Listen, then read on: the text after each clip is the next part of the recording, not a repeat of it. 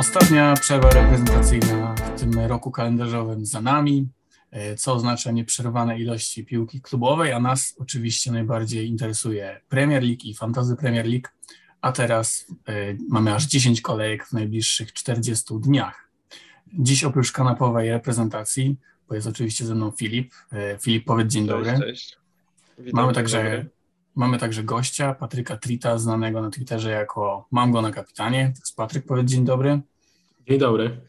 E, Także to była ostatnia komenda. E, Dalej poleci totalnie freestyle'owo. No i porozmawiamy sobie o tych właśnie 10 kolejkach w ciągu 40 dni. Stęskniliście się w ogóle za, mm, za Premier League podczas tej przerwy reprezentacyjnej, Patryk? Wiesz co, trochę tak, trochę tak, bo jednak ta przerwa na reprezentację to nie jest mój ulubiony okres e, generalnie w trakcie roku, każda przerwa. Także zdecydowanie, chociaż jeżeli chodzi o taką tworzenie kontentu, że tak powiem, to taka przerwa jest bardzo mile widziana. No, Filip to właściwie e, skontrował to, o czym powiedziałeś, bo dzisiaj wrzucał e, tekst nieco depresyjny, że w FPL zawsze przegrywamy, ale co tu dużo mówić, dużo w tym racji. No, ten tekst generalnie powstawał od kwietnia i przypomniało mi się o nim przedwczoraj, także dobrze, że powstał, ale jak wiemy w tym sezonie zbytnio na co narzekać, przynajmniej FC Kasztany nie mają, bo jest dość solidnie. Prawda nie nakradłem jeszcze tyle co Patryk i nie jestem tak wysoko, ale jest całkiem przyzwoicie. Tak, Patryk swoim rankingiem. e, W ogóle jak go zobaczyłem, to zastanawiałem się, czy to, to zaproszenie jest y, dobrym pomysłem. E, Filip, też chyba jesteś top 20k, jeśli dobrze, dobrze pamiętam. Chyba tak. Zaraz Także- powiem, top 12, wow, tak. Tego nie musiałeś dodawać, także mm, ja po prostu będę słuchał, bo nadal mam potrojone Wolverhampton, ale o tym, o tym pewnie jeszcze sobie powiemy. Także panowie, no myślę, że przejdziemy po prostu przez formację klasycznie, pogadam też chwilę o kapitanie i na koniec odpowiemy na pytania. Także myślę, że klasycznie zaczynaliśmy od napastników. Mm, No i cóż, w moim składzie cały czas Cristiano Ronaldo. Myślę, że to taka też zagwozdka. Mm, Co z takim napastnikiem zrobić? Bo domyślam się, że na Watford zostawić, ale, ale czy później jego transfer, e, czy jego wyrzucenie ma, ma sens, waszym zdaniem? Myślę, że tutaj ten mecz z Watfordem będzie kluczowy. Też mam Cristiano Ronaldo i też się zastanawiam, co z nim zrobić. Więc jednocześnie będę obserwował to, jak gra Ronaldo i to, jak pokaże się Kane i generalnie cały, cały Tottenham, bo jest opcja na podmiankę na, na Kane'a w zasadzie 1 do 1. Mógłbym to nawet zrobić przed tą kolejką, ale wydaje mi się, że jest szansa nadal, że to Ronaldo będzie lepiej punktował od Kane'a. Mm, No, później są dwa trudniejsze mecze i następnie jest cały zielony kalendarz, tylko ja mam taką drobną obawę związaną z Cristiano Ronaldo, że w grudniu jednak Kane może być lepszą opcją, bo jest pewniejszy, ma pewniejsze minuty. Więc tutaj też sobie w tę stronę trochę kalkuluję i zastanawiam się, czy to podmianka na Kane'a nie będzie sensowna. Ja na pewno nie podmieniałbym Ronaldo na Kane'a teraz, bo wydaje mi się, że mimo wszystko United ma rywala łatwiejszego i e, no, z kim Czerwone Diabły mają wygrywać, jak nie z Watfordem, a wiemy, że Dokładnie. Solskier jako karaluch jest dość znany i przetrwa każdą nawałnicę, a żeby tę nawałnicę przetrwać, to wypadałoby w końcu wygrać mecz piłki nożnej. Tak, no widzieliśmy też, że y, Ronaldo no, może rzeczywiście na ławce zacząć. Pamiętamy starcie z Evertonem, y, a Kane no, też nie zachwycił w tym pierwszym spotkaniu pod wodzą Antonio Conte, bo pamiętamy, że z Evertonem Tottenham no, był bardzo, bardzo bezzębny. Także myślę, że mecz z Leeds, które z tymi topowymi zespołami mm, dopuszcza do wielu groźnych sytuacji, w przeciwieństwie do tych meczów z dołem tabeli, to będzie idealna, idealny eye test dla, dla Harry'ego Kane'a i jego, jego formy. Tak. Tak, tak, no to, no to czekałem na to potwierdzenie. No trzeba przyznać, że Kane 7 goli e, w dwóch meczach e, eliminacyjnych z Andorą i San Marino. No i ogólnie 8% jego posiadania. To jest e, myślę, że mega kuszące. Tak jak Ronaldo ma małe posiadanie w tym top 10K, e, co trochę Patryk zaburza, ale, ale Kane no to już w ogóle będzie, będzie totalną niszą. Myślę, że drugim takim napastnikiem, o którym możemy pogadać, to jest Michael Antonio. Wczoraj e, potężna e, potężny strzał i bramka z 30 chyba metrów ze Stanami Zjednoczonymi. Jak się zaopatrujecie na, na Antonio, na najbliższe kolejki? Dla mnie Antonio jest w zasadzie opcją na cały sezon, bo widzimy jak gra West Ham, że West Ham gra jak drużyna z aspiracjami na top 4, wygrana z Liverpoolem, bardzo dobre do, do tej pory mecze i ze słabszymi rywalami i z czołówką, no i Antonio jest tutaj głównym żądłem, głównym motorem napędowym. I mimo, że ostatnie dwa mecze to zero udziału konkretnego przy bramce, bez gola, bez asysty, to jednak widać, że gra będzie wokół Jamajczyka się toczyła i że on swoje punkty będzie zdobywał bez względu na to, z kim młoty będą grały. No ja się zgadzam w 100%. Wydaje mi się, że nie ma za bardzo sensu sprzedawać Antonio dla samego sprzedania. Mm, jeżeli ktoś chce w ten sposób uwolnić kasę i na przykład dzięki temu, nie wiem, upchnie sobie Sona do pomocy, czy coś w ten desen, na przykład za Havertza, to wtedy spoko, taka para na przykład e, z jakimś tańszym napastnikiem i Sonem może zrobić więcej punktów w najbliższych kolejkach, ale ja też jestem pod dużym wrażeniem gry West Hamu, podoba mi się to, ile kreują, podoba mi się to, że mają plan na każdy mecz, podoba mi się to, że chyba Declan Rice w meczu przeciwko Tottenhamowi w wywiadzie pomeczowym zwraca uwagę, że mieli zupełnie inny plan na mecz. Po 15 czy 20 minutach zobaczyli, że ten plan nie działa i szybko zmienili ten plan i ostatecznie e, wygrali. Więc oni wiedzą, co robią na boisku, bo mają dobrego trenera. Więc e, ja bardziej myślę o tym, żeby niedługo podwoić West Ham w ataku. Też taką opcją, o której myślę, że wielu z nas będzie myślało i będzie miało ją gdzieś w głowie, to może być wymiana Antonio na przykład na Jimeneza. Jeśli mm, Jimenez ma przed sobą Norwich i Barnley, a w tym czasie Antonio będzie grał z City i Brighton, no to mogą pojawić się takie myśli w głowie, ale też miejmy na uwadze to, że wielu z nas mocno straci na cenie, bo jednak kupowaliśmy Antonio czy na samym starcie sezonu, czy w tych kolejkach 3-4, kiedy on rozbijał bank, więc tutaj te team value może być jednak trudne do odzyskania. Ten Raul Jimenez zawsze powtarzamy o nim y, i wspominamy ten jego kalendarz, że to są jeszcze trzy bardzo fajne spotkania. Natomiast też ja zawsze jakoś tak sceptycznie podchodzę do, do Jimeneza, jak sobie przypominam, zwłaszcza jego bramki, że to, to nie były jakieś mega super akcje Wolverhampton, to też często był no, mm, fatalny błąd obrony, tak jak w przypadku meczu z Evertonem, e, że Jimenez bardziej kreuje, że to, że to Huang jest tym, tym bardziej wysuniętym napastnikiem w ekipie Wilków. Także z tym Jimenezem zawsze trochę, mm, tak jak wspominasz Filip, jak rozmawiamy, trochę mnie to męczy, ale nadal go w składzie oczywiście, oczywiście mam. A pozostali napastnicy bo jak już wymieniliśmy sobie Ronaldo, mm, Antonio, myślę, że Jamie Vardy to jest taki typ, na którego możemy teraz zwrócić uwagę, bo jego kalendarz też jest super po meczu z Chelsea. No właśnie tutaj generalna narracja w społeczności jest taka, żeby tego Wardiego wyrzucić i trochę to rozumiem, no bo większość pewnie go kupiła w momencie, gdy Lukaku się połamał, czyli po serii punktów Wardiego i załapali się akurat na blanki, więc frustracja jest jak najbardziej zrozumiała. No ale teraz, tak jak mówisz, po meczu z Chelsea kalendarz jest naprawdę dobry i myślę, że Wardi to jest taki zawodnik, do którego trzeba mieć trochę czutkę i trochę szczęścia, bo to jest gość, którego czasem weźmiesz i będzie strzelał co mecz, a innym razem po prostu blank za blankiem. Ja jakoś nie jestem olbrzymim fanem Wardiego jako opcji w FPL-u. Biorę go z reguły wtedy, gdy strzela mecz za meczem i posiadanie sprawia, że już no, trzeba po prostu go mieć. Ale wydaje mi się, że można go cierpliwie nadal, nadal trzymać.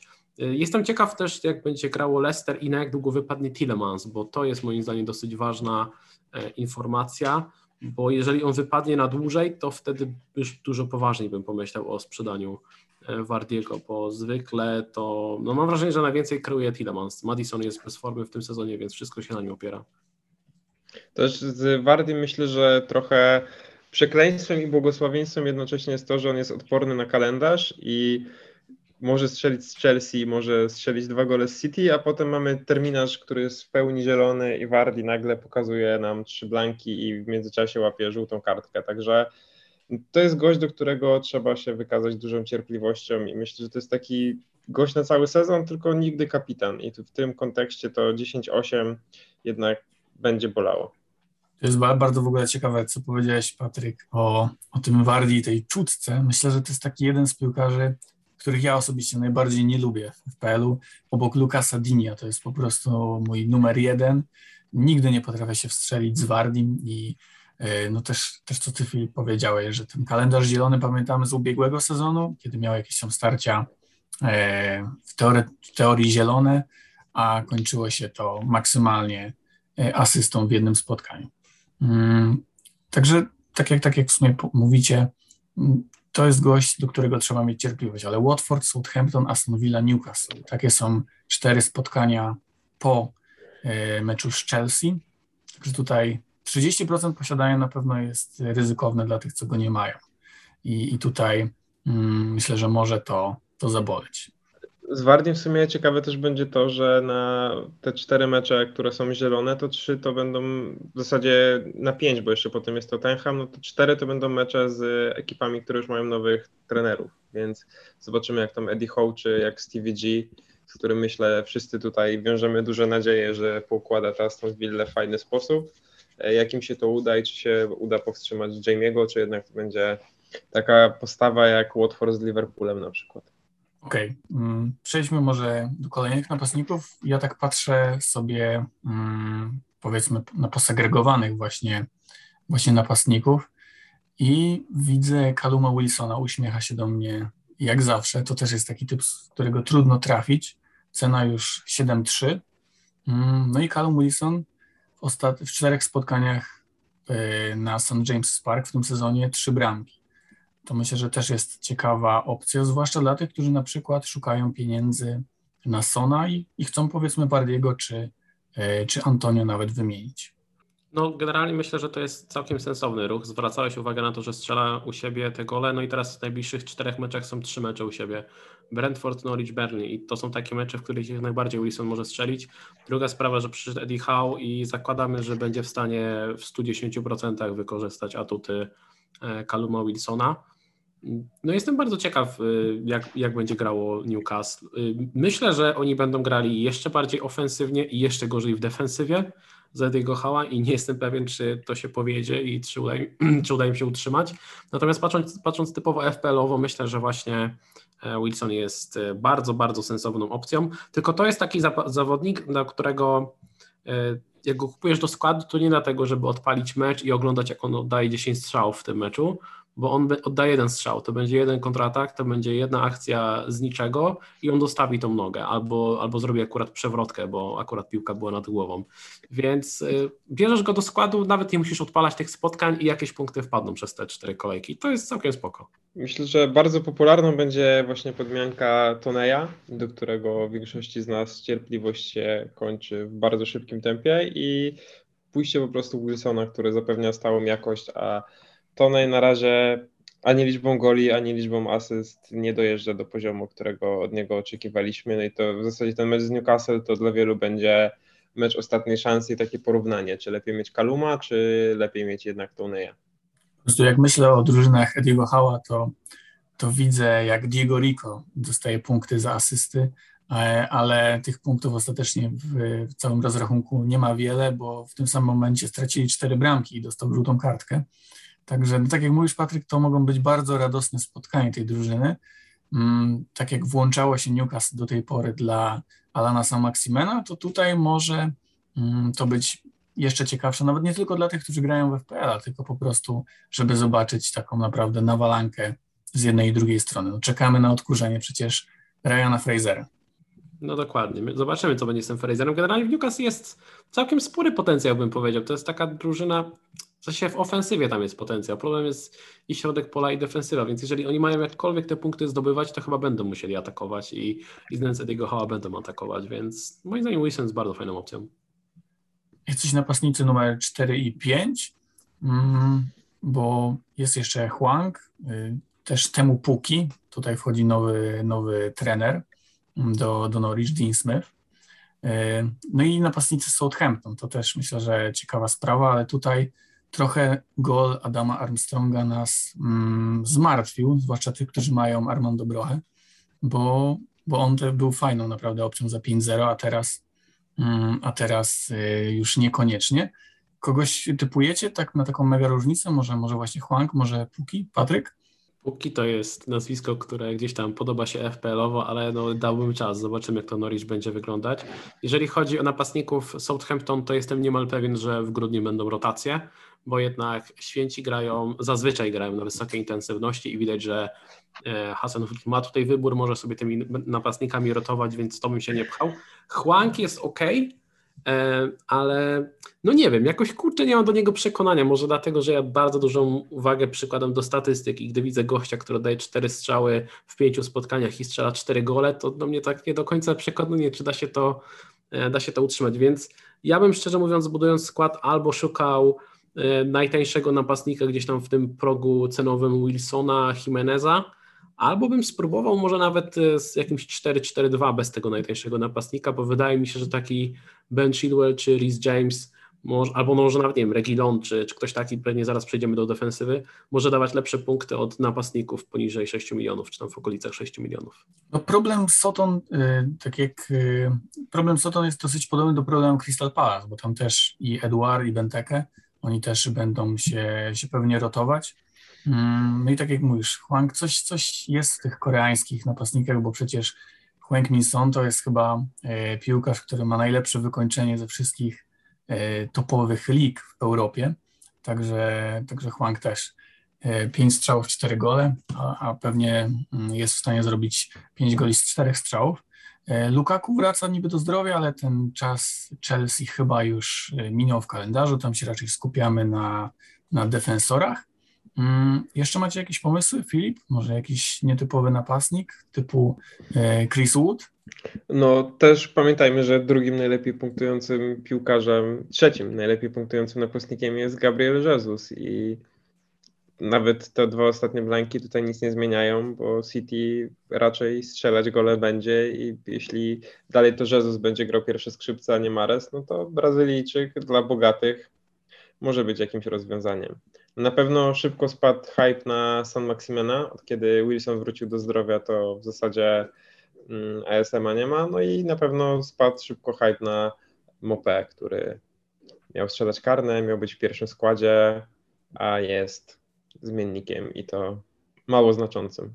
Tak, będziemy też patrzeć na Aston Villa na pewno, jak to będzie funkcjonować u, u Gerarda. Yy, trochę chyba E, Oli Watkins stracił po przyjściu danego Inksa, straciła też chyba trochę cała Aston Villa. Na razie to, to nie wygląda dobrze, no ale mm, ja tu jestem fanem Stevie'ego G numer jeden, więc mam nadzieję, że coś tam się, się uda zrobić. To co, przechodzimy chyba do, do pomocników. Mm, możemy nawet kontynuować temat Gabriela Jezusa, bo takim pomocnikiem najbardziej hot jeszcze dwa tygodnie temu był e, Phil Foden. Pytanie, co z nim teraz zrobić, bo kalendarz City jest bardzo ciasny, a oni w Lidze Mistrzów mają jeszcze przecież mecz e, z PSG i mecz z Lipskiem. Patryk, co myślisz o tym? Moim zdaniem z Philem Fodenem jest tak, że należy go brać do składu i wystawiać co kolejkę w wyjściowej 11, liczyć się jak najczęściej będzie grał w tym pierwszym składzie i wtedy ta cena jakby się obroni. No rotacje będą nieuniknione, bo o ile mam wrażenie, że w tym sezonie Pep nas mocno oszczędza z rotacjami ten skład tak średnio jest 10 na 11 zawodników można przewidzieć. E, o tyle, gdy skończą się puchary i zacznie się liga co 3 dni, no to na pewno wiedzie jakaś rotacja, bo już nie będzie Carabao Cup, w którym można wystawić rezerwy.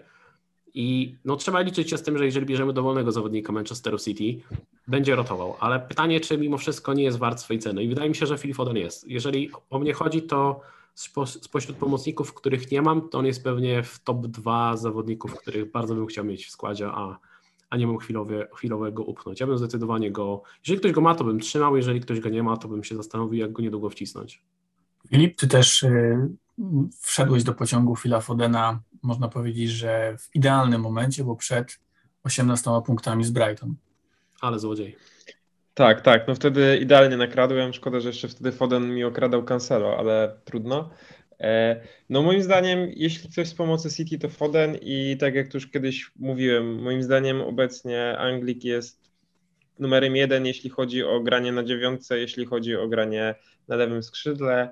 Grealish świeci się na żółto, Sterling tam coraz częściej jakieś plotki dziwne o Barcelonie, więc Mm, myślę, że jeśli ktoś City to Foden, na De Bruyne kilku naszych kolegów się mocno zdążyło sparzyć w tych ostatnich kolejkach, więc pomocnik za 8-3 z City, na, w dużej mierze pewny grania w większości meczów, młody, ma jeszcze czas, żeby się zmęczyć. Tak, pojawiły się na kamerce u Patryka środkowe palce w stronę Filipa, kiedy, kiedy mówił Filip o Fodenie, ale już tego, już nie będziemy do tego wracać. Mówiłeś, że Foden jest u Ciebie top, top 2, jeśli chodzi o pomocników. Przypuszczam, że top 1 jest Son. Tak, no generalnie bardzo chciałbym mieć Sona w składzie, tylko też chwilowo nie jak go upchnąć, bo mam tego Ronaldo w ataku i, i on zabiera e, dużą część budżetu. Son uważam jest bardzo, bardzo fajną opcją, w sensie niezależnie od tego jak gra Tottenham, czy dobrze, czy źle, niezależnie, niezależnie kto jest trenerem, no to jeżeli Son jest zdrowy, to z reguły punktuje e, regularnie i to jest to, o czym mówiłeś. On jest najlepszym finisherem pewnie na świecie, może obok, nie wiem, Messiego. Więc nawet jeżeli będziemy jedną okazję i jakiś nawet pół okazji, to, to może spokojnie strzelić gola. A wydaje mi się no, siłą rzeczy, że ten Tottenham musi zacząć więcej strzelać, musi zacząć kreować.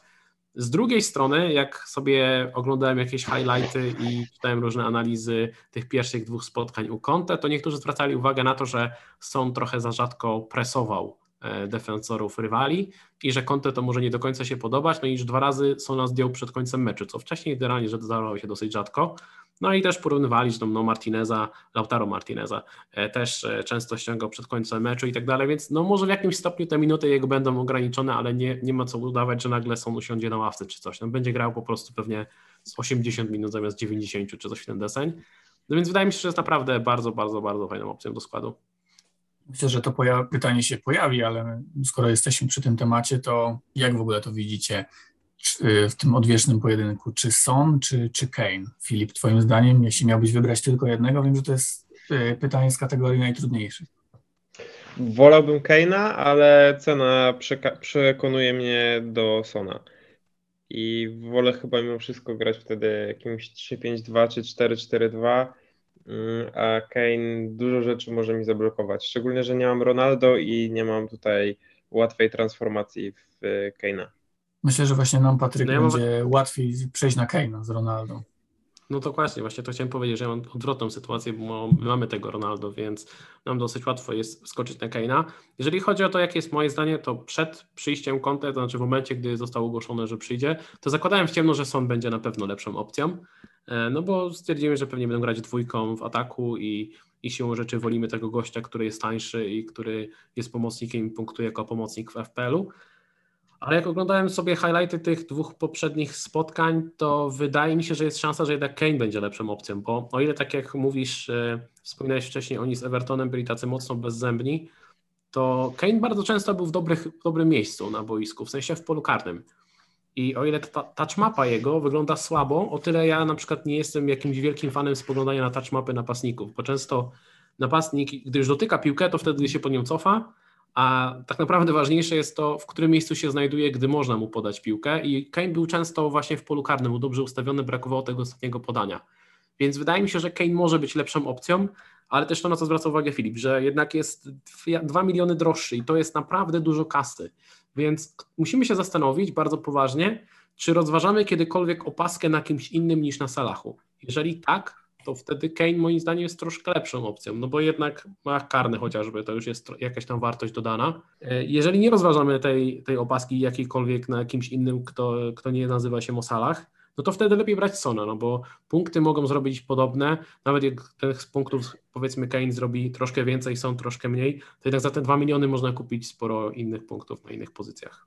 Pytanie, kiedy możemy wczoraj... dać w 14 kolejce chyba tylko opaskę Kane'owi, a, a nie Salahowi, bo Salah gra na wyjeździe z Evertonem, a Kane z Brentford, ale nie dać no opaski Salahowi, to, to może być trudne. No i też pytanie, czy wyjazd na Everton to jest taki i pojedynki z Luką Diniem to jest taki trudny mecz dla, dla Mosalaha, zwłaszcza, że to są derby, nie?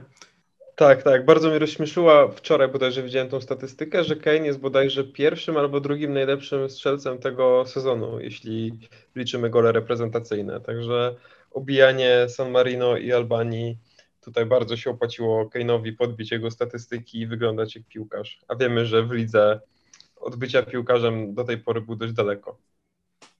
No tylko właśnie wiesz, ja się zastanawiam, czy nawet na stokanie tych goli San Marino nie wpłynie pozytywnie na, na jaki, jakiś jego mental, no bo jednak napastnik w dużej mierze bazuje na jakiejś tam pewności siebie i no jakby nie patrzeć, pewnie to jest takie coś, że gdybym grał pierwszy sezon Fantasy Premier League i gdybym pierwszy raz oglądał Premier League, to bym powiedział, że Kane to jest w ogóle jakiś beznadziejny człowiek i dlaczego on tyle kosztuje, dlaczego nie kosztuje 4,5 miliona, ale jednak gram już to trochę lat i znamy, znamy wszyscy Harry'ego Kane'a i dobrze wiemy, że Harry Kane na święta to jest bardzo fajny prezent i zastanawiam się, kiedy ma zacząć punktować, kiedy ma zacząć strzelać, bo kiedyś musi. I to jest taki moment, że teoretycznie powinien. Ale z drugiej strony jestem daleki od tego, co widzę na przykład w angielskiej społeczności, że teraz to gramy minus 8 i przebudujemy cały skład i rozwalimy całą drużynę, bo musimy mieć Harry'ego Kane'a w składzie. No nie. Więc jeżeli ktoś ma łatwe wejście w Kane'a, no to spoko, można sobie tego Kane'a kupić. Na przykład niektórzy mają Wardiego, Wardi teraz gra z Chelsea, można kupić sobie Kane'a E, na kilka kolejek, jeśli się nie sprawdzi, to można go za chwilę pogonić. Natomiast nie ma sensu moim zdaniem rozwalać całej drużyny, żeby tego Kane'a mieć w składzie. A ustalmy między sobą, ustalmy jeszcze wersję między sobą. Czy wolimy Kane'a na Leeds, czy wolimy Ronaldo na Watford? Patrząc na jeden mecz, ja wolę Ronaldo na Watford. Patrząc na cztery kolejki, Kane jest chyba trochę lepszą opcją. To jest zawsze też y, no, dodatkowy transfer, bo jednak większość ma Ronaldo, a nie, a nie. E, też za tym, żeby Hmm, brać Kane'a myślę, że może przemawiać fakt, że Ronaldo od 15 i 16 kolejki znów ma cudowny terminarz. Zaczyna się to od meczu z Norwich. No i co? I znów będziemy przemeblowywać ewentualnie drużynę, żeby mieć tego jednego napastnika premium. To też może być męczące za, za 3-4 kolejki, kiedy będą rotacje, kiedy będziemy potrzebować szerokiego składu, a kiedy tych e, wolnych transferów będzie, będzie coraz mniej. Ja tutaj dodam tylko jedną rzecz, że właśnie dlatego moim zdaniem warto mieć ten slot napastnika premium, bo jest Kane, jest Ronaldo, jest Lukaku, jest Wardy, Auba ma swoje momenty niekiedy, więc wydaje mi się, że ten slot warto mieć, bo tak jak mówisz, później ciężko będzie przebudować e, drużynę i to szukanie tego Norwich w kalendarzu czy Newcastle e, to jest niezła strategia i jeżeli ktoś będzie miał jakieś wolne transfery, to może sobie zrobić taką podmiankę, że na przykład, nie wiem, bierze teraz Kenia na cztery kolejki i właśnie do tego meczu z Norwich, a później na 16 kolejkę bierze Ronaldo, bo zaczyna swój dobry run od meczu z Norwich, więc to też jest jakiś pomysł. Jak jesteśmy przy Tottenhamie, to, to, to możemy zostać przy Leeds, czyli, czyli rywalu Spurs w następnej kolejce. Rafinha. Też widziałem sporo ocen mówiących, sporo opinii mówiących na temat tego, żeby Rafinie dać na ławkę. Natomiast Cristiano Romero kontuzjowany, Ben Davis, e, lewy środkowy obrońca Tottenhamu z urazem, no i pytanie, czy ten Rafinha na Tottenham to nie będzie czasem szansa na punkty. Patryk, co myślisz? O, ja tu mam straszny zgrzyt, bo tak naprawdę w swoim składzie wybieram pomiędzy Rafinią a Livramento do wyjściowej jedenastki i to jest moim zdaniem bardzo trudna decyzja. I jeszcze wczoraj tak naprawdę Rafinia był u mnie na ławce, w sensie w tym składzie do tej pory miałem Livramento w wyjściowym składzie i zaczynam się zastanawiać, czy to jest na pewno dobra decyzja. Bo z jednej strony tak, Leeds gra naprawdę słabo i tam wszystko zależy tylko i wyłącznie od Rafini i Antonio Conte jest o tyle dobrym menedżerem, że jest w stanie przypisać dwóch zawodników do Rafini i tak naprawdę Leeds nie istnieje. Ale z drugiej strony, no tak jak mówisz, są te urazy i też ta defensywa to ten Hamu nie wygląda najpewniej na świecie. Więc e, nawet jeżeli tam będą zwracać szczególną uwagę na tego, e, na tego pięknego Brazylijczyka, to i tak może coś wcisnąć, zwłaszcza, że te jego bramki w tym sezonie to jest z reguły tak expected go 0,05 i tam nagle siedzi. Więc e, nie wiem, nie wiem co zrobić z Rafinią, sam nie wiem czy wystawię go w składzie, ale waham się pomiędzy składem a pierwszym slotem ławki, między nim a Livramento.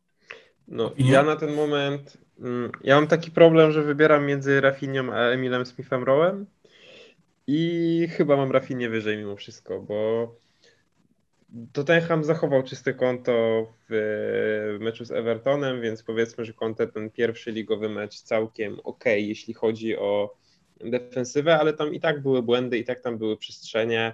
E, Gray miał swoją okazję, Thousand bodajże miał swoją okazję, czy też Gordon, także wiemy, że jeśli coś dobrego ze strony Leeds się wydarzy, to wydarzy się z udziałem Brazylijczyka i bardzo bałbym się go mieć na ławce, bo dla mnie, tak jak wielokrotnie też mówiłem, to jest gość na cały sezon, który po prostu jest i raz na dwa mecze prawdopodobnie te punkty da. Co by nie mówić, on gra na Regiona, także to tak jak e, wspominałeś grę Salaha na Dinia, to tutaj też raczej nie są to obrońcy słynący z very solid defensywy. No dokładnie, dokładnie. A Smith Gallagher to jest taki też bardzo popularny, mm, można powiedzieć, pojedynek. Y, patrzyłem sobie na statystyki tych, tych obu zawodników. Mm, no i ogólnie patrząc na, na Fantasy Football Hub, to oni są bardzo podobni, natomiast jednak to Gallagher ma minimalną przewagę, jeśli chodzi o strzały z pola karnego na 90 minut, to Gallagher 1,5, Smith Rowe 1,3, jeśli chodzi o duże szanse, to Gallagher 0,7, Smith Rowe 0,1, kluczowe podania 1,9 Gallagher, 1,5 Smith Rowe. Także minimalna przewaga po stronie piłkarza Crystal Palace, no i też kalendarz jest po jego stronie. Filip, co myślisz o, o tym pojedynku jako e, przyjaciel Smitharowa? Mm. Na pewno nie robiłbym podmiany 1-1. Jeśli tak to rozważamy, to jeśli mamy Galachera, to trzymałbym Galachera, jeśli mamy Smithrowa, to trzymałbym Smitharowa, e, ale na pewno na razie problem z, w sumie obaj Anglicy zadebiutowali w tym, w tym tygodniu, więc powiedzmy, że ten Anglik z Arsenalu um, ma tę wadę, że jednak te gole to też jest bardzo niski expected goals. No, umówmy się, że w tamten weekend trochę E, posiadacze nakradli, bo to była bramka po faulu, strzał z dystansu i sporo punktów Smitharowa na razie właśnie dzieje się na zasadzie jakichś dobitek, jakichś e, odbić, takich drugich strzałów. Też myślę, że Patryk tutaj więcej powie jako kibic Arsenalu, ale choć Smithrow gra bardzo dobrze, dochodzi e, dochodzi do tych punktów i te punkty ostatecznie na koncie mamy, to jednak nie są to takie występy, kiedy myślisz, że to mogło być 20 oczek, tylko bardziej masz takie pogudzienki, że jest 7. No dokładnie. Jeżeli sobie patrzymy na Smitha Rowa jako piłkarza, no to jest w tym sezonie najlepszym zawodnikiem Arsenalu i generalnie same serduszka. Ale jeżeli chodzi o opcje w FPL-u, no to właśnie jest tak jak mówisz. W sensie mam wrażenie, że właśnie Smith Rowe i Gallagher to są dosyć podobni zawodnicy, czyli te ich punkty są niby przypadkowe, nie wiadomo ile w tym przypadku, bo oni zawsze się pojawiają w dobrym miejscu, w dobrym czasie w tym polu karnym i nagle tą nogę dokładają i te punkty e, zdobywają. Plusem Smitha Rowa jest to, że no w aktualnej formie ma absolutnie pewne miejsce i pewną rolę w, tak naprawdę w, w, formacji ofensywnej i będzie na niej spoczywać duży ciężar, jeżeli chodzi o, o te punkty z przodu w Arsenalu. Jeżeli chodzi o Crystal Palace, to ta rola Gallaghera się zmienia w zasadzie w zależności od tego, kto jest na boisku, bo on do, dobre punkty robi na przykład często w meczach, gdzie ktoś czasem dorzuci ze stałego fragmentu i też to mu nabija statystyki, które ma dużo lepsze od, od Smyfaroła, mm, ale jeżeli już na boisku jest Olis albo jest Miliwojewicz, no to już tych stałych fragmentów nie ma. Do tego tam jest e, sporo, sporo zawodników ofensywnych w Crystal Palace. Tam w ogóle jest naprawdę super ekipa i zastanawiam się, czy jeżeli Olis zacznie grać regularnie, jeżeli wróci zaraz Eze, bo, bo chyba zaraz wróci, przynajmniej od jakiegoś czasu się mówi, że ma zaraz wrócić. Zastanawiam się, jaką rolę będzie odgrywał Gallagher, jaką będzie ile będzie punktów z całej ofensywy Crystal Palace właśnie pochodziło z punktów e, Gallaghera. Mam tutaj szczerze mówiąc spory zgrzyt, bo jest takie trochę 50 na 50, często w takich sytuacjach wybieram zawodników, którzy mają lepsze statystyki i Gallagher ma lepsze statystyki, ale, ale czy to na pewno jest lepszy wybór, to, to nie wiem, więc tak jak w sumie mu powiedziałeś Filip, jeżeli ktoś ma któregoś z nich, to bym po prostu trzymał i tyle. No plusem y, jest to też, że oni fajnie się rotują, jeśli chodzi o kalendarze, bo Smith ma fajny mecz z Newcastle w następnej kolejce. Także kto wie, czy nawet by ich nie mieć obu jako czwarty i piąty slot pomocy i ewentualnie jeśli jednego zostawimy na ławce, to chyba nie będzie to jakiś e, straszny dramat i ból istnienia. E... Ale nie masz wrażenia, że taka rotacja z pomocnika na czwartym, piątym slocie to jest bardzo dobry plan, który nigdy nie działa? Może tak być, oczywiście, że tak. Y, to jest oczywiście tylko teoria, te, te zielone i szare i czerwone kolory y, na stronie czy, czy w aplikacji. Natomiast y, jeśli, mm, jeśli mamy na przykład tego napastnika premium, to trudno o trochę droższych tych pomocników. Może nawet ich mieć jako trzeci i czwarty slot, bo ciężko będzie mieć czy Ronaldo, czy, czy Keina, a jednocześnie w pomocy Salaha i Fodena i nie wiem, Sona. Jak wiemy, że dużo pieniędzy teraz trzeba inwestować też w obronę. No to prawda, no jak najbardziej można mieć obu, ja się z tym w 100% zgadzam, to są bardzo ciekawe opcje i pewnie na przykład lepsze niż ci napastnicy, których rozważaliśmy w cenie poniżej 6 milionów, więc wolałbym jakieś 3-5-2 i mieć e, jednego i drugiego niż, niż jakiegoś tam pewnie, nie wiem, Huanga czy kogoś takiego.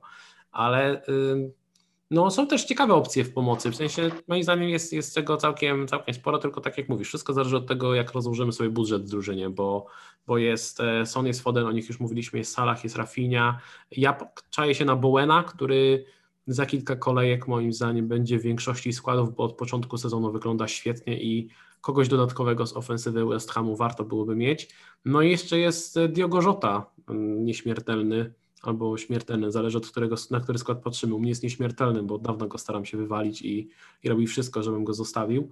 Więc jest trochę tych opcji w pomocy, ale chociaż jednego takiego taniego pomocnika warto mieć. Jeszcze wspomnę o Błemo, bo w sumie jest w wielu składach i statystyki ma w teorii bardzo fajne, dochodzi do wielu sytuacji, brakuje skuteczności, obija słupki, no nie wiem ile można. Nadal mam jakieś takie dziwne przeczucie, że z tych wszystkich pomocników poniżej 6 milionów to Błemo jest najlepszą opcją, bo gra praktycznie na środku ataku drużyny, która potrafi atakować, bo Smith Rowe jest takim trybikiem, który jest bardzo ważny dla drużyny, ale to nie jest gość, który biega na szpicy. E, Gallagher to samo, on bardzo świetnie, on świetnie się odnajduje w polu karnym, potrafi się włączyć w akcję i tak dalej, ale to też moim zdaniem nie jest najważniejszy zawodnik ofensywy, a jeżeli chodzi o ofensywę Brentford, no tutaj ewidentnie jest Tone jest Błemo i Tone pełni rolę tego, który raczej odgrywa, jeżeli ktoś tam ma strzelać, to Błemo. I wydaje mi się, że nastąpi taki moment za kolejkę lub dwie, gdzie on zaliczy jeszcze jednego drugiego blanka, wszyscy go wyrzucimy ze mną włącznie i on zacznie punktować i się okaże, że to był kiepski pomysł, więc nie wiem, czy jeżeli chodzi o ten slot czwarty, piąty, zależy jak to na to patrzy, czy najlepsze nie jest po prostu cierpliwość i trzymanie po prostu tego zawodnika, którego mamy. Jeszcze miesiąc temu nie mielibyśmy wątpliwości, że to, że to Brian Bemo jest no, idealnym kandydatem na właśnie ten, ten slot, e, no ale ta forma Brentford w tych meczach, gdzie najbardziej na nich liczyliśmy, ja na przykład mam Rico Henry'ego w składzie, e, mnóstwo osób ma Iwana Tuneja, Także mm, no to oczekiwanie było, było kosmiczne, ale trzeba pamiętać, że to jest mecz z Newcastle. Także no, kiedy jak nie teraz ten ostatni taniec ma, ma zatańczyć no właśnie, właśnie ten, właśnie ten chodzi. Czy, czy, to powinien być ostatni taniec, bo później jest Everton, Tottenham, Leeds. No jestem w stanie wyobrazić sobie, że z każdą drużyną jedna konterka, jedna długa piłka, taką jak widzieliśmy na przykład w meczu z Norwich, gdzie był minimalny spalony, ale ta bramka Błemo po asyście Tuneja, który przedłużył piłkę głową, to jest tak jakbym widział akcję właśnie z jakimś Evertonem czy Tottenhamem, który prowadzi grę i nagle jedna długa piłka, przedłużenie piłki i Błemo wychodzi sam na sam i trafia w słupek. No zmierzamy myślę, praktycznie takim... do tego? Tak, Filip? Myślę, że takim problemem z Brentford jest to, jeśli mamy ich na przykład potrojonych, gdy mamy Oj, bramkarza, tak. obrońcę, pomocnika i Toneja i wtedy ta pułapka, że kurczę, przecież Brentford tak fajnie zagrali z Liverpoolem, dobrze grali z Chelsea, mamy trzech tych piłkarzy, to czemu nie mają nie zapunktować z Newcastle czy Evertonem i tutaj się robi ten problem, że te punkty Gallagherów i e, innych Smithrow nam uciekają, a my zostajemy z Błemo i Stonejem i oglądamy Blanka za Blankiem, więc no rozumiem, że tutaj komuś może psycha siąść, ale no jednego z tego duetu ofensywnego jak najbardziej myślę warto przytrzymać i po prostu poczekać, bo te punkty przyjdą. Myślę, że zmierzamy po prostu do tego, że taktyka grania 3-5-2 E, może być obecnie całkiem, całkiem niezła. Że, że tak jak mówiłeś Patryk, no, ci pomocnicy za 5, 5,5 mogą okazać się fajniejsi niż, niż ci tani napastnicy. Tak, może się okazać całkiem niezła, ale jestem sobie w stanie też wyobrazić taki scenariusz, w którym za chwilę w każdym składzie jest e, Kane lub e, Ronaldo. Wszyscy mamy Antonio, bo zaraz ma zielony kalendarz, a do tego wraca Calvert-Lewin i Bamford i nagle będzie panika, że o Jezu, jak tu teraz przejść na trójkę napastników, więc jest taki moment rzeczywiście, że gdybyś, gdybyś mi powiedział, co powinienem zrobić kilka kolejek temu, to zdecydowanie powinienem grać 3-5-2, no bo ci napastnicy kompletnie nie punktują, ale myślę, że to się może bardzo szybko zmienić. Zwłaszcza teraz, kiedy mamy tych kolejek e, mnóstwo, mnóstwo przed sobą. E, jeszcze słowo o Diogo Rzocie. Firmino wypada do połowy, połowy grudnia. Żota e, też, nie będę już tu przytaczał, przytaczał liczb, ale ma, ma je no, niemalże dwukrotnie lepsze niż Son świetnie w ogóle się odnajduje jako dziewiątka. Ostatnio rozmawiałem z Filipem, że chyba nikt tak dobrze nie gra głową obecnie w Premier League jak Diogo Jota, co jest e, dość, można powiedzieć stereotypowo, że przecież niski, niski napastnik, natomiast e, no tutaj nie ma to racji bytu. Mm, no i Jota na kalendarz rozpoczynający się od Arsenalu, później jest Southampton, później jest właśnie ten wyjazd na, na Everton, E, Wolverhampton, Aston Villa, Newcastle, no i a skład ma praktycznie pełny. E, co Filip sądzisz o, o Diogo Rzocie? Filip chyba nie Mamy ma zdania. Jota, o, tak, już wrócił. Się. Tak, tak, zmiotowałem się, Żota mnie sprowokował. E, a co do Żoty, no znany jest jako troll, który w momentach, kiedy wszyscy jesteśmy pewni, że teraz odpali trzy mecze z rzędu, będzie grał na dziewiątce i zdobędzie po 10-15 punktów, on trzy razy blankuje, a potem z United e, robi dwucyfrówkę. Także no, w żadnym wypadku bym go nie sprzedał. Czy próbowałbym go kupić? No jeśli mamy Havertza i nie stać nas na Sona, to myślę, że to jest takie bezbolesne przejście i no-brainer. Ja tak dopytam, myślisz, że Son jest lepszą opcją czy Żota? Myślę, że mimo wszystko Son ze względu na e, terminarz przede wszystkim i też no, ze względu na nacisk tego, gdzie będzie teraz kładziony, to myślę, że Spurs będą po pierwsze na fali wznoszącej, po drugie no ta Liga Konferencji to tylko Liga Konferencji, mm, więc myślę, że tutaj Son wywija się na pierwszy plan. Nawet jeśli Liverpool już ma pewny awans, no to tam ławka jest taka, że i tak pewnie Żota w tej Lidze Mistrzów coś tam pokopie. No tak, tam nie ma kim grać praktycznie, y, no ile można wprowadzać na boisko Divoka Origiego, chociaż oczywiście e, ostatnio bramka z West Hamem, e, wcześniej też ten gol e, mini Skorpionem z Preston w Pucharze Ligi, no ale nie oszukujmy się, też Jurgen Klopp zapowiadał, że nie będzie grał rezerwami, jakimiś juniorami, bo co ciekawe, kiedy mówimy o zespole, który niedawno był mistrzem Anglii, a Jurgen Klopp zaznacza, że to są też kwestie finansowe, i że trzeba grać do końca o zwycięstwo. Także dość, dość ciekawa y, teoria. Wiele tu mówi o finansach Liverpoolu i o szczodrości właścicieli. Mm, mamy jeszcze pomocników do omówienia. Może Leandro Trossard? Ktoś chce o nim powiedzieć dwa słowa? Y, Patryk? No, Trossard jest ok. W sensie to jest taki pomocnik, taki wybór zawodnika, jak ktoś szuka kogoś mniej, oczy, mniej oczywistego, to wtedy można się skusić na tego Trossarda.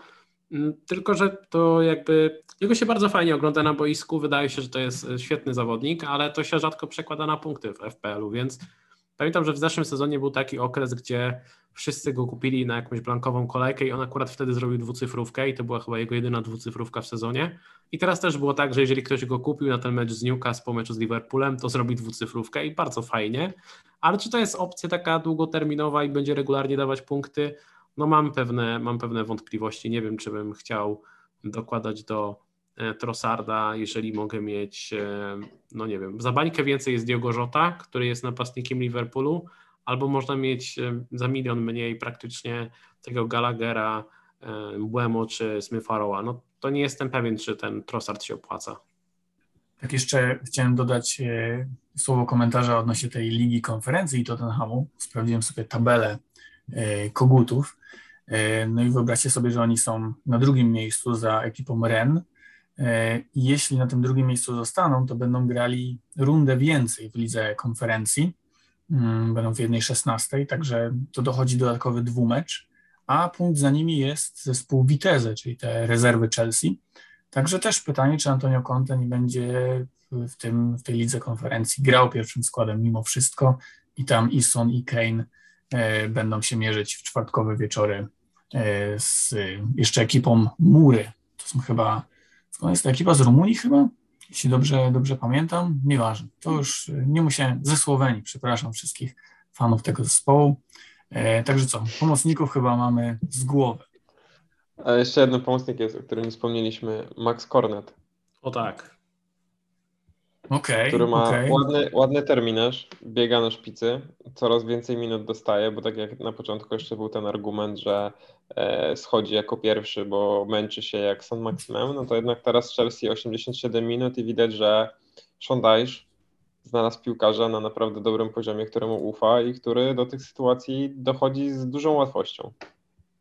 No to jest moim zdaniem bardzo ciekawe. W sensie wolałbym Corneta niż Trossarda na przykład, zdecydowanie, bo gość, który gra no, na dziewiątce praktycznie i widać, że bardzo, bardzo dużo będzie od niego zależało w tym, e, w tym Berli. I tak jak mówisz, kalendarz jest dobry, można go sobie teraz kupić i przetrzymać tak naprawdę no, w zasadzie do końca roku. Więc w tych opcji w okolicach 6 milionów to jest jedna z lepszych moim zdaniem. Ale jakbyśmy mieli ich tak powiedzmy posegregować, jakkolwiek to brutalnie brzmi, na zasadzie Gallagher, Smith Rowe, Buemo, Cornet i, i Trossard specjalnie powiedziałem Trossard na ostatnim miejscu, bo domyślam się waszej opinii. Natomiast też Trossard gra przecież od niedawna na tej fałszywej dziewiątce. Mm, Nil Mopé siedzi na ławce przez to, także tutaj też y, dorzucam jakby kolejne, kolejne zmartwienia. Ale Patryk, jakby twoje top 5 pośród y, wymienionych wcześniej. To jest bardzo trudne pytanie, więc jeszcze zagram na czas chwilę i powiem, że y, nie jestem pewien, czy Trossard będzie grał regularnie na tej fałszywej dziewiątce, bo Graham Potter lubi sobie przyrotować w składzie i wymyślić plan typowo poddanego rywala, więc wydaje mi się, że Neil Mopé będzie grywał dosyć regularnie na tej dziewiątce. Gdybym miał wybrać, mm, nie wiem, szczerze mówiąc, żaden z nich nie przekonuje mnie tak w 100% na zasadzie polecam do składów ciemno i, i go bierzcie. Ja na przykład jestem trochę fanem wyboru Diogo Rzoty, więc y, zbierałbym pewnie na tego Rzotę, na Fodena, na Sona i tak dalej, ale wiadomo, że kogoś tańszego mm, trzeba mieć.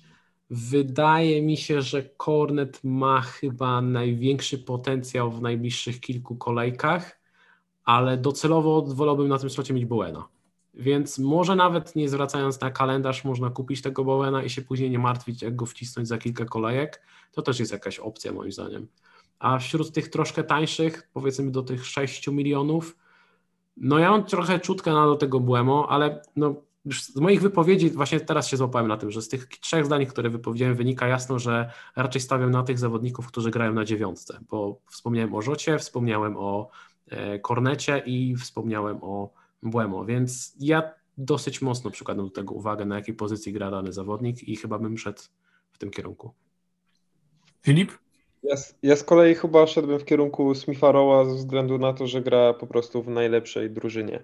I no już wielokrotnie się przekonywaliśmy, że jednak ta siła, drużyna w takiej, siła drużyny w takiej dłuższej perspektywie może się spłacić, a Arsenal, jeszcze dodatkowo Arsenal nie zaangażowany w walkę mm, w europejskich pucharach, więc ten skład jest bardziej wypoczęty niż powiedzmy City, Chelsea, czy nawet ten Tottenham z tą swoją ligą konferencji zabawną e, i tutaj ten Smith Rowe może robić różnicę, a Arsenal dalej piąć się w górę tabeli. Za klasyczny kibic Manchester United wypomina biednym arsenalowym fanom, że nie ma tam europejskich pucharów. No ale dobrze. E, po prostu przejdziemy do obrońców, chociaż pytanie, czy o obrońcach tak, no ten ostatni slot, ale o obrońcach to co my tu możemy powiedzieć? No, Rich James, Ben Chilwell, e, Trent Alexander-Arnold i Joao Cancelo i, i reszta. Livramento na ławce. Livramento, chociaż y, może zacznijmy od bramkarzy w takim razie, bo tu będzie więcej do powiedzenia. Jak ktoś ma Roberta Sancheza i nie ma Jasona Steela na ławce, to kogo powinien wziąć waszym zdaniem, Filip? No tutaj po raz kolejny, jeśli siła zespołu decyduje, to po prostu bierzemy Ramsdale'a i nie przejmujemy się, no bo bramkarza nie wybieramy na jedną kolejkę. Tutaj nie szukamy różnic jak e, szukanie Norwich czy Newcastle w kalendarzu, więc myślę, że Ramsdale jest opcją numer jeden, a jako opcja numer dwa no ja nigdy nie zaufam Aleksowi McCarthy'emu w to, że on umie bronić świński pęcherz przed wpadaniem do siatki, więc bardziej szedłem w stronę Guaity.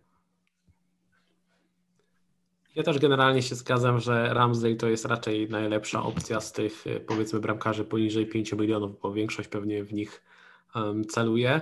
I też tutaj właśnie zwracam uwagę na to, jaka jest y, siła całej drużyny, bo jako kibic Arsenalu dosyć dotkliwie odczuwam wszystkie śmieszki z Arsenalu, zwłaszcza gdy po trzech kolejkach jest 0 punktów i przedostatnie miejsce w tabeli.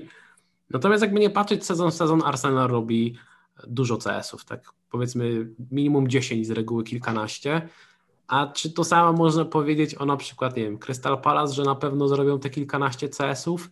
Nie mam pewności. Podoba mi się bardzo Crystal Palace i Guaita moim zdaniem jest bardzo dobrym wyborem. Nie wiem, czy najlepszym po prostu, bo mm, wiem, że jest taka logika generalnie, przemawia y, u, u, wielu osób, że skoro Crystal Palace miał trudny kalendarz na starcie sezonu, a mimo wszystko bronili dobrze, mam dobre liczby w defensywie, no to jeżeli będą mieli łatwiejszy kalendarz, to na pewno będzie lepiej. I ja przy tym na pewno stawiam taki mały znak zapytania, bo jeżeli zakładamy, że Patrick Vieira chce grać ofensywną piłkę, to logiczne, że on z takim Manchesterem City raczej stawiał na defensywę i jedna piłka na Zachę, obyś tam, obyś tam Laportę jakoś wkurzył, nie? A jak będzie grał z łatwiejszym rywalem, to mam takie przeczucie, że Crystal Palace będzie grał bardziej otwartą piłkę i może się okazać, że tych CS-ów będzie mniej. I jeszcze jedna rzecz, wydaje mi się, że jeżeli ktoś ma inny pomysł na transfery i widzi pilniejsze ruchy, to ja nie mam nic przeciwko temu, żeby e, mimo wszystko Sancheza zachować w składzie, nawet jeżeli ktoś nie ma rezerwowego bramkarza, bo też mi się już zdarzało kilka razy w trakcie tych poprzednich sezonów, że grałem jedną kolejkę bez bramkarza i to nie jest aż taki problem, jeżeli ruch, który zrobimy sprawi, że ulepszymy, ulepszymy znacząco inną pozycję. Więc ja takie... to może być ok. Nadal jest ok wyborem. I ten transfer bramkarza to dla mnie jest najniższy priorytet. Do tego stopnia, że nawet jeżeli bramkarz wypada na jeden mecz, to jestem w stanie zagrać jeden mecz bez bramkarza, żeby zrobić ważniejszy transfer. Ja też mam takie pytanie, czy wszyscy jesteśmy pewni, że ten Steely będzie rezerwowym bramkarzem? Bo pamiętajmy, że Brighton tego Sherpena kupiło przed tym sezonem. Gość w sumie na początku wypadł z powodu kontuzji, ale nie wiem, czy on tam nie jest szykowany na dwójkę. Też nie czytałem jeszcze wypowiedzi Pottera i nie znam konkretnej hierarchii, ale no jest taki gość i istnieje. Z tego, co mówił Potter po meczu z Newcastle, to, to zapewniał, że, że Steel będzie w bramce na mecz y, w kolejnej w kolejnym meczu. Ja nie widziałem zapewnień, ale zakładam, że jeżeli Steely siedzi na ławce w każdym meczu, no to jak już jest ta okazja zagrać, to wypadałoby go wpuścić. No, tego życzymy chyba, tego życzymy wszystkim użytkownikom FPL, bo jednak w większości rezerwowym bramkarzem jest ten właśnie sympatyczny Harpagan.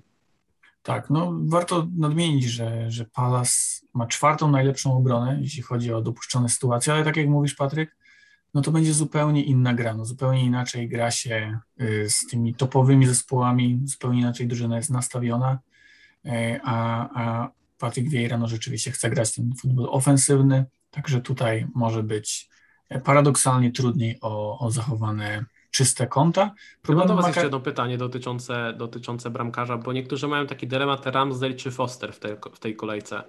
I co byście tutaj radzili? Najgorszy dylemat, jaki może być. No, no moim zdaniem to jest prosta. Moim zdaniem prosta sprawa, gramy Ramsdale'em i jeśli Salek go nie pokara, to znaczy, że Ramsdale jest wielki, a Foster no już swoje nakradł w tamtej kolejce i myślę, że drugiego karnego nie obroni. Też, też byłbym przy, przy Ramsdale'u, bo to jednak no lepsza drużyna, no i nie oszukujemy się, tych strzałów pewnie ze strony Liverpoolu będzie podobna liczba jak strzałów Manchesteru na, na bramkę Watfordu. Także, także tutaj myślę, że fajnie sobie tak nawet zakodować w głowie, że Ramsey jest numerem jeden i, i, nie bawić się w te rotacje, bo, bo wiem, jak się skończyło to w poprzednich dwóch kolejkach. No, praktycznie wtedy, kiedy Ramsdale miał zapunktować, to, to ok, zapunktował, ale Foster obronił karnego, a kiedy, kiedy było odwrotnie, to Ramsdale zdobył 10 punktów w meczu z Leicester na wyjeździe. Spoko. No ja się generalnie z wami zgadzam, ale byłem ciekaw, jakie jest wasze zdanie. Jeszcze ja słowo bardziej, Tak, ja bardziej lubię nie myśleć o bramkarzu. Niech sobie tam będzie, nie przeszkadza mi, bo te rotacje bramkarskie to zawsze wychodzi na minus. Tak, jeszcze chciałem słowo o Aleksie McCarthy. No, myślę, że jego problemem jest Livramento i po prostu no, nie ma co dublować obrony Southampton, jeśli, a, jeśli taką, taką super opcją jest, jest właśnie Livramento. E, coś możemy powiedzieć mądrego o obrońcach? No, patrzyłem też w statystyki, że James ma od GW7 40 kontaktów e, w tej finalnej tercji, w tej tercji ofensywnej, e, jeśli chodzi o, o kontakty z piłką.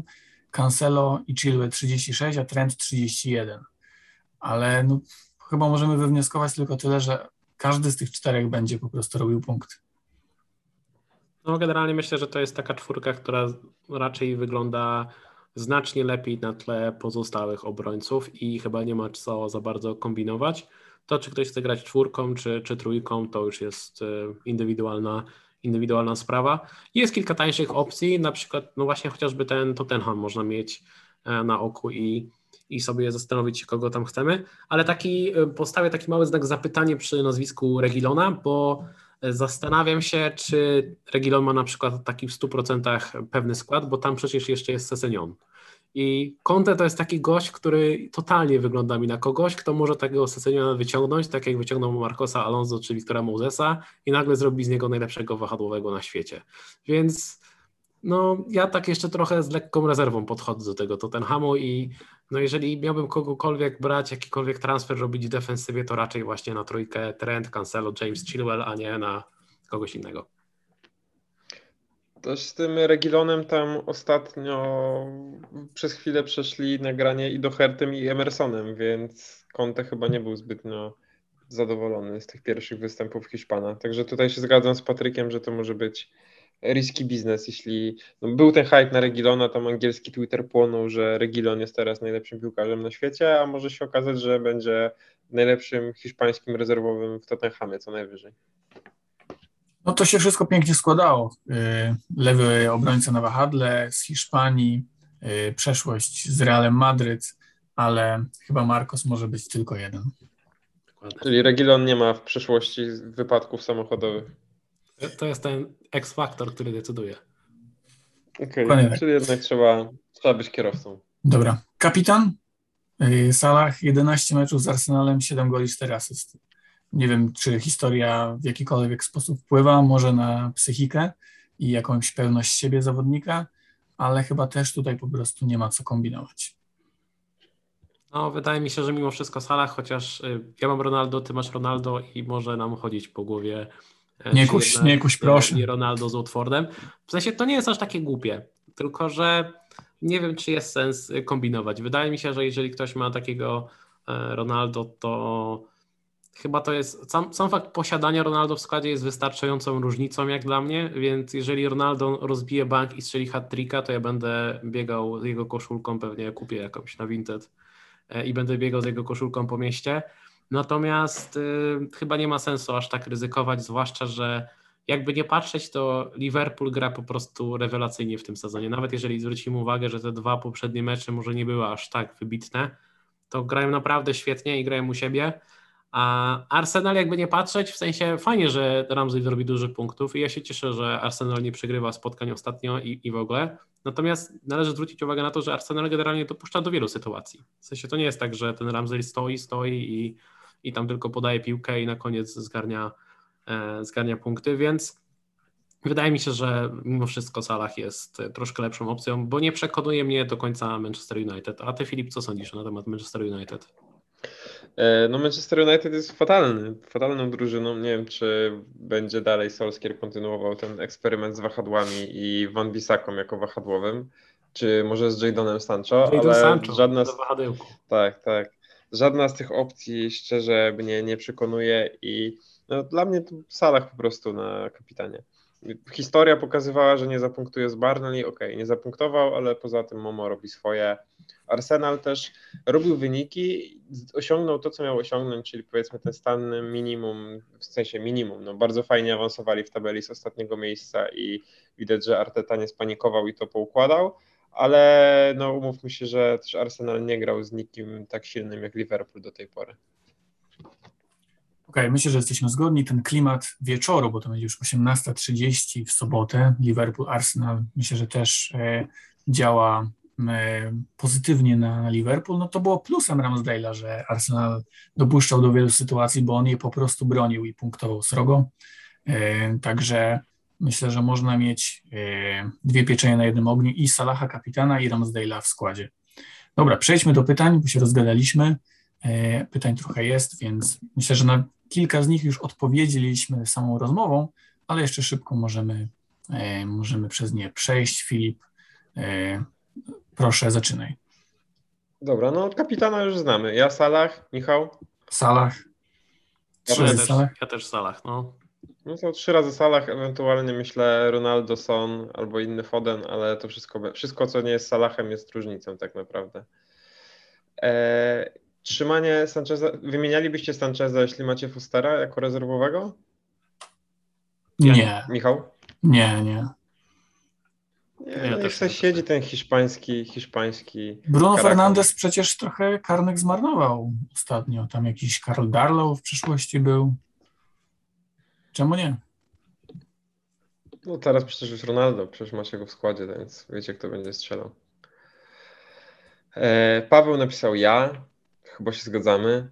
Tak, tak. Mocny, mo- mocny przekaz. E, Ronaldo na Watford, czy przerabialibyście go na minus 4, żeby przebudować całkowicie skład? Chyba jak już to po Watfordzie, co? W sensie, żeby go sprzedać. Tak, no masz Ronaldo i czy chcesz go sprzedać mając dwa free transfery i robisz trzy transfery przy minus cztery i przebudowujesz całkowicie skład. Czy to ma sens? Nie, no chyba przed Watfordem to, to nie. No nie po to go mamy, żeby go sprzedać przed Watfordem. Kiedy on ma strzelać, jak nie, jak nie teraz, tak myślę. No, za tydzień, za tydzień. Chelsea to Dobra, jest pa- perfekcyjnie, naprawdę. Perfect, perfect moment. Zero No wyrzutów plus. sumienia. E, Czy warto trzymać Toneja i Wardiego, czy może lepiej ich podmienić na przykład na Armstronga i Jimeneza? W ogóle co myślimy o tym Armstrongu? Bo raczej chyba boimy się rotacji. No Tak, ja no. zdecydowanie bym się bał. Broja chyba trenuje już, yy, także no tutaj no albo ten, albo ten, także myślę, że nie ma co ryzykować w składzie, nawet mimo, że, że są w fajnej cenie. A Tonej, no przed Newcastle to też tak mówiliśmy, żeby mm, celować i w Norwich i Newcastle, mimo że tam były zmiany trenerskie, no to nadal to są, jesteśmy na początku tych zmian, także myślę, że Tonej jak najbardziej na Newcastle powinien zostać. No jeżeli miałbym kogoś wymieniać przed tą kolejką, to chyba właśnie Wardiego, ale to też raczej pod warunkiem, że można też coś zrobić dodatkowo z tymi trzema milionami, czyli na przykład właśnie upchnąć sobie Sona albo nie wiem, Fodena czy, czy Diogo Jotę zamiast jakiegoś Brownhilla do składu, czy coś w ten deseń, to wtedy spoko. A jak nie, to tego Wardiego można przetrzymać tak naprawdę. Tak jak mówię, no wiele osób chce go sprzedać, ale wydaje mi się, że można go przetrzymać. To zależy, no, trzeba mieć do niego cierpliwość. Ja nie jestem fanem. Zbliża się moment pewien grudniowy, to 40 dni, 10 kolejek, e, kiedy te rotacje nadejdą. Czy uważacie, że trzeba już wzmacniać ławkę, czy zostać z tymi legendarnymi, legendarnymi Brownhillami, czy też Perica? Jak się nazywał ten kolej z Watfordu, który... Tak, tak, Perica, Okej, już Patryk, jest w czy Izraelu jesteś- gdzieś. Patryk, jesteś fanem wzmacniania składu, czy wolałbyś siedzieć z Brownhillem i się cieszyć, że kopie piłkę w Barney? Ma Williamsa w składzie. Już nie mam, ej, wymieniłem go ostatnio. Ale kupiłem. Bena Johnsona z West Hamu, więc to jest chyba idealne Ale- na to pytanie. Ne- Neko, Neko Williamsa można kupować. Może to jest opcja na Puchar Narodów Afryki. A o tym też jest kolejne pytanie, więc. Ogólnie e, bardzo podobają mi się skład. Jak widzę skład, który ma na ławce Brandona Williamsa i e, Sissoko, muszę Sissoko, to po prostu widać, kiedy był robiony wildcard. Nie? Widać, że to było GW4, GW5, ten moment, e, także można wiele odczytać po tym składzie, no ale chyba wzmacniać ławkę no jak najbardziej trzeba, zwłaszcza jeśli mamy, nie wiem, Jamesa, Fodena, to są tacy piłkarze zagrożeni rotacją.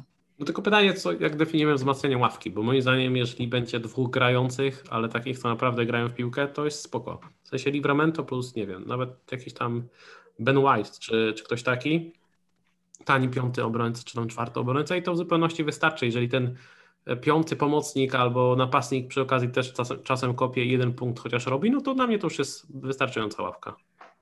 Okej, to Patryk opisał moją ławkę. Ze spokojem mogę podchodzić do Tak, no e, listopadowo-grudniowych meczów.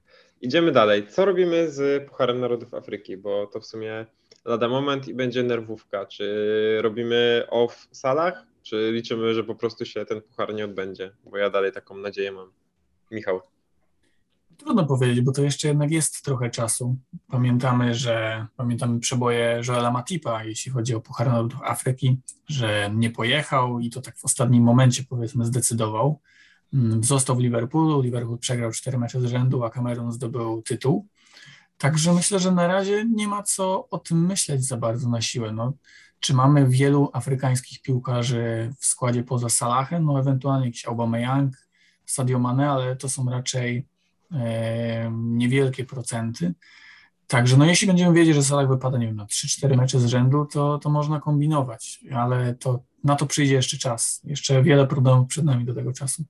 No dokładnie, no spokojnie, no spokojnie do tego bym podchodził. Jak, się, jak będzie trzeba go wywalić, no to, no to trzeba będzie co zrobić.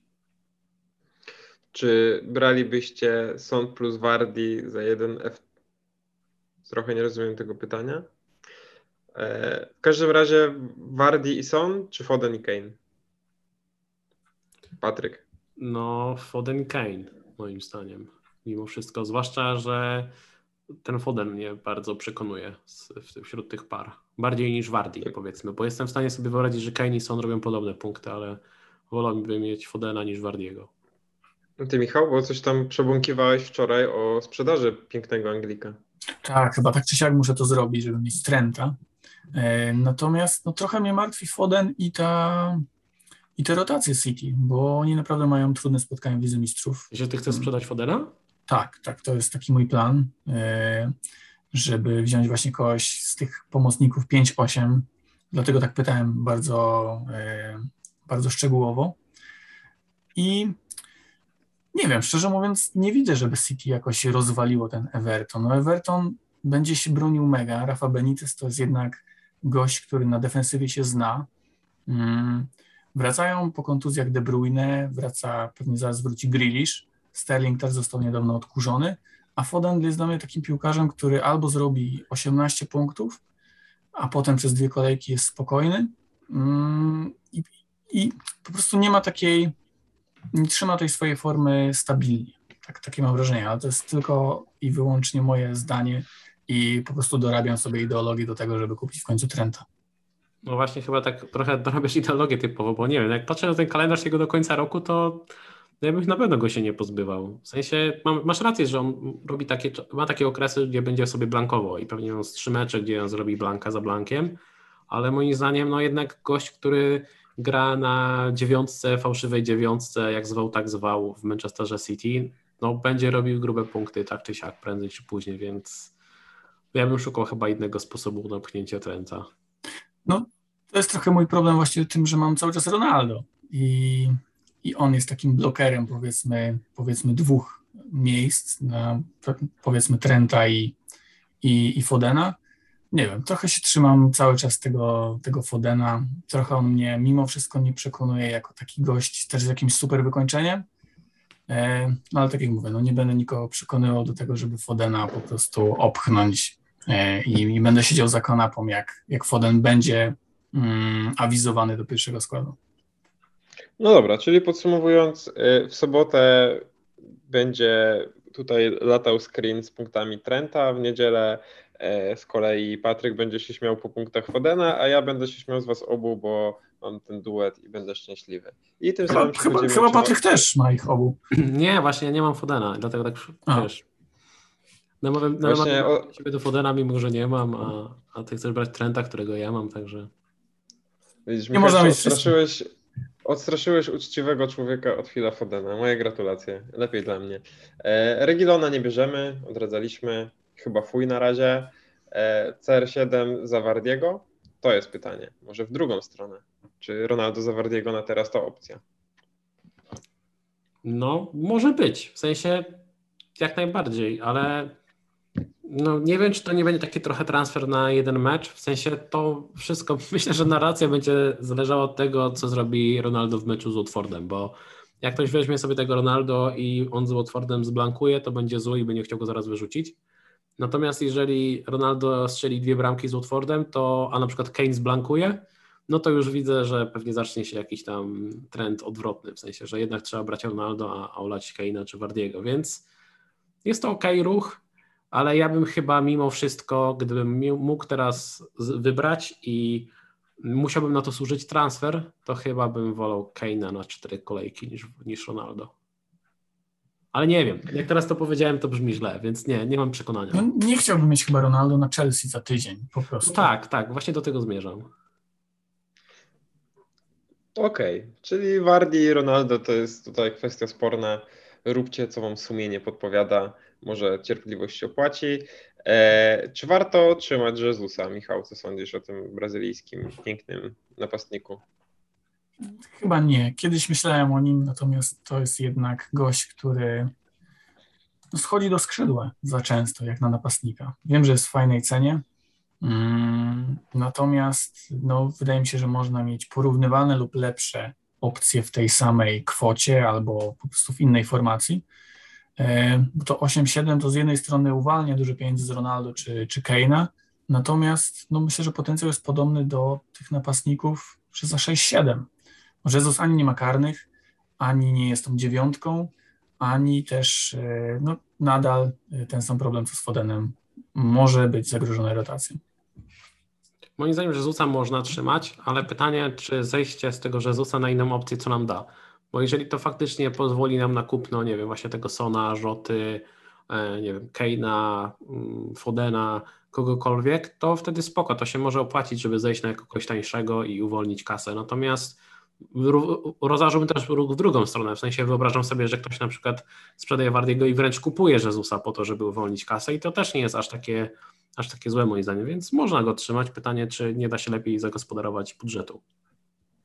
Okej, tutaj mamy pytanie od bogatego Dawida, który ma i Wardiego i Ronaldo. Którego z nich wyrzucamy? Wardi czy Ronaldo, Michał?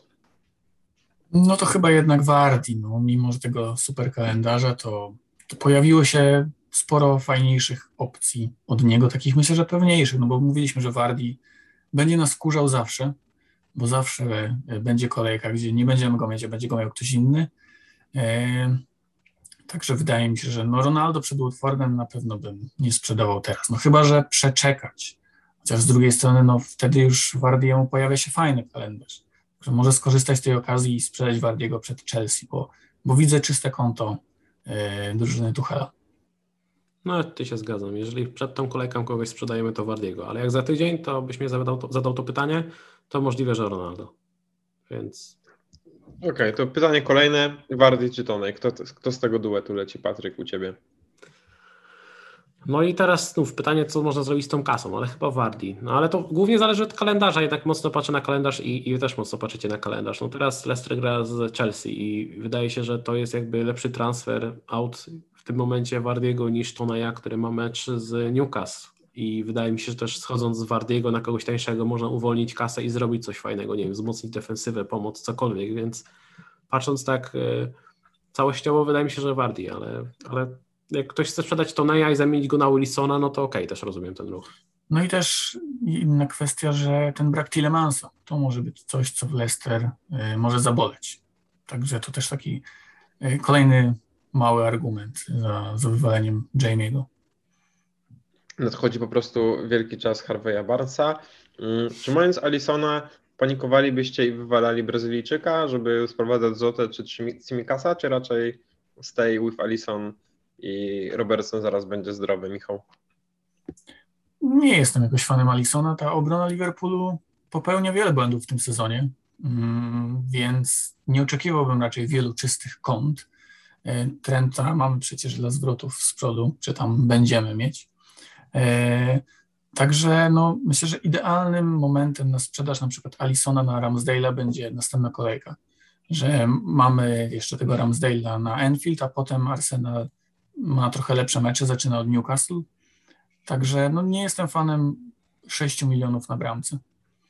No ja to samo, zdecydowanie wolałbym mieć Rzotę i a zamiast Alisona jako ten trzeci slot, bo Salaha i Trenta ma prawie każdy.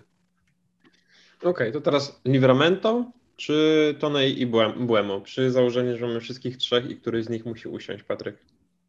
E, czyli musimy kogoś posadzić, tak? E, z tej trójki. Ojej, tak, tak. jest... Masz całą trójkę, jeden siedzi. O kurczę, to jest, to jest mega ciężka decyzja i szczerze ja w takich sytuacjach z reguły zwracam uwagę sobie, jakie są kursy bookmacherów na, na czyste konta, gola, asysty i tak dalej. I nie wiem, nie wiem, co bym zrobił, naprawdę. W sensie, ja mam mega zgrzyt z tym Livramento, bo też możliwe, że będę musiał go posadzić i możliwe, że mimo wszystko go posadzę, ale jeżeli nie wystawiamy go na mecz z Norwich, to w sumie, to w sumie kiedy mamy go wystawić, więc nie wiem, naprawdę nie wiem. Naprawdę nie wiem. Ty, Michał, kogo byś wsadzał? Nie wiem, ja chyba jestem zawsze jednak myśli, że lepiej grać ofensywnym zawodnikiem, bo to nam też nie zabija meczu. Jak Norwich strzelił w 10 minucie, to nadal mamy taką wiarę, że, że może coś dobrego się wydarzy. No i ten Livramento w ogóle go traktuje jako po prostu bonus.